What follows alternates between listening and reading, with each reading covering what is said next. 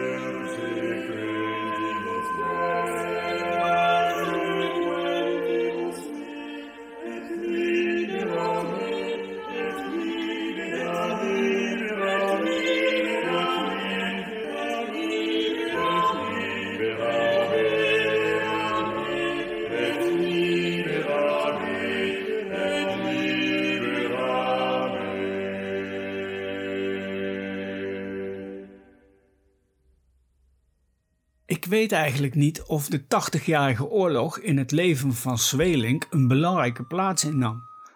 Feit is wel dat die oorlog begon toen hij zes jaar was en pas eindigde toen hij al lang was overleden. Dus je zou kunnen zeggen dat hij er zijn hele leven mee te maken had. Dit jaar is het Zwelinkjaar, omdat hij 400 jaar geleden overleed. Hij werd geboren in Deventer en toen hij twee jaar was, verhuisden zijn ouders naar Amsterdam omdat zijn vader organist werd van de oude of Sint-Nicolaaskerk in Amsterdam. Hij heeft waarschijnlijk het orgelspel van zijn vader geleerd.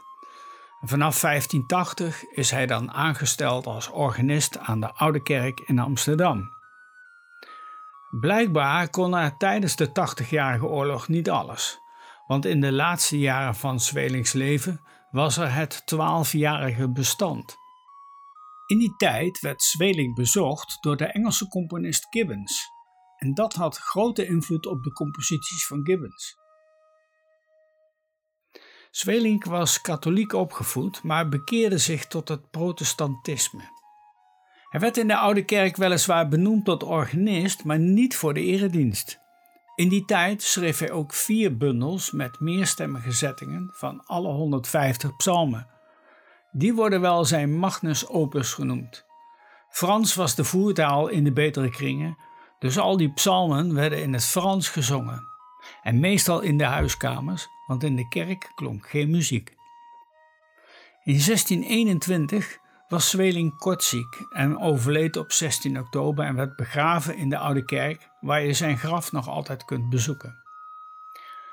Voor alle mensen die het moeilijk hebben in deze tijd, laat ik u een psalmbewerking van Zweling horen, Psalm 23. De Heer is mijn herder.